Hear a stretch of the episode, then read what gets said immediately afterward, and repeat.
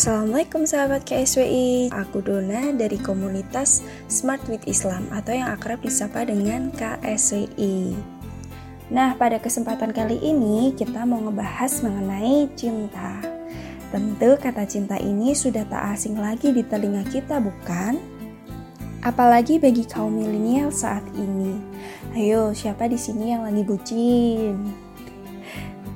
Nah, agar kita tidak menempatkannya di tempat yang salah, yuk kita simak sama-sama. Ada banyak ulama yang mentafsirkan arti cinta, seperti Imam Al-Azhari, Imam Al-Baidawi, Ibnu Arafah, Al-Yujad, dan masih banyak lagi.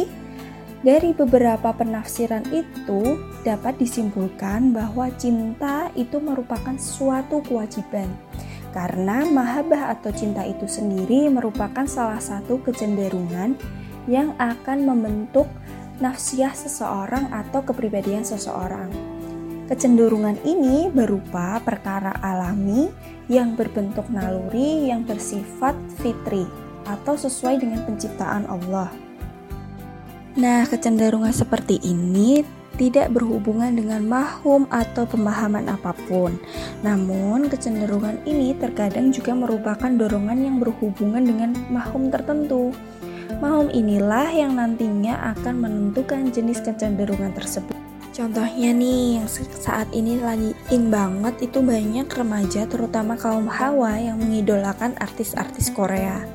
Bahkan secara sadar mereka ingin meniru idol tersebut, terutama lifestyle-nya. Cintaan seperti ini yang sifatnya sesaat dan bisa berubah-ubah karena apa? Karena nantinya kalau ada idol yang lebih keren, lebih oke, okay, mereka akan berpindah ke lain hati ya enggak? Karena emang sifatnya ini nggak tetap nggak ada dasarnya. Nah, apakah cinta yang seperti ini yang Allah ajarkan kepada kita? Tentunya tidak ya teman-teman semuanya. Nah, agar cinta kita itu long lasting dan tidak berubah-ubah, makanya harus didasari dengan mahum yang syar'i. Cinta yang berlandaskan atau bersandarkan kepada Allah dan Rasulnya adalah jenis kecintaan yang terkait dengan mahum syar'i yang telah diwajibin sama Allah. Terbukti dalam beberapa dalil dari Al-Quran.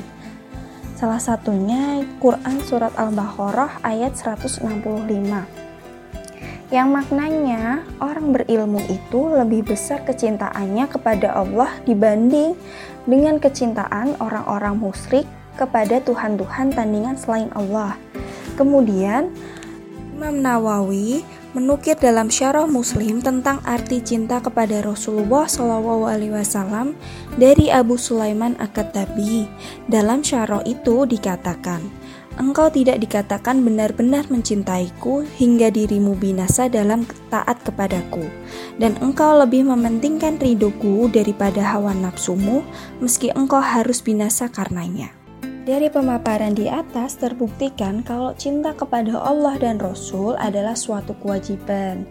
Maka tugas kita sebagai seorang mukmin wajib mentaati dan mengikuti perintahnya sebagaimana kita sebagai seorang muslimah diwajibkan untuk menutup aurat kita.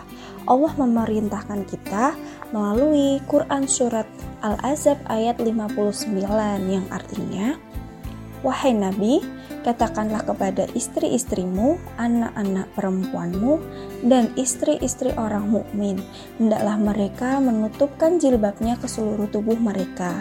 Yang demikian itu agar mereka lebih mudah untuk dikenali sehingga mereka tidak diganggu. Dan Allah Maha Pengampun, Maha Penyayang. Kemudian pada Quran surat An-Nur ayat 31 dan katakanlah kepada para perempuan yang beriman dan janganlah mereka menampakkan perhiasannya, auratnya, kecuali yang biasa terlihat dan hendaklah mereka menutupkan kain kerudung ke dadanya. Berdasarkan hadis riwayat Abu Dawud dari Aisyah radhiyallahu anha, batasan aurat wanita adalah seluruh tubuh kecuali wajah dan telapak tangan. Nah, sahabat salihah, itu hanya salah satu kewajiban kita sebagai seorang muslimah. Tentunya masih banyak lagi kewajiban-kewajiban kita yang wajib kita tunaikan kepada Allah.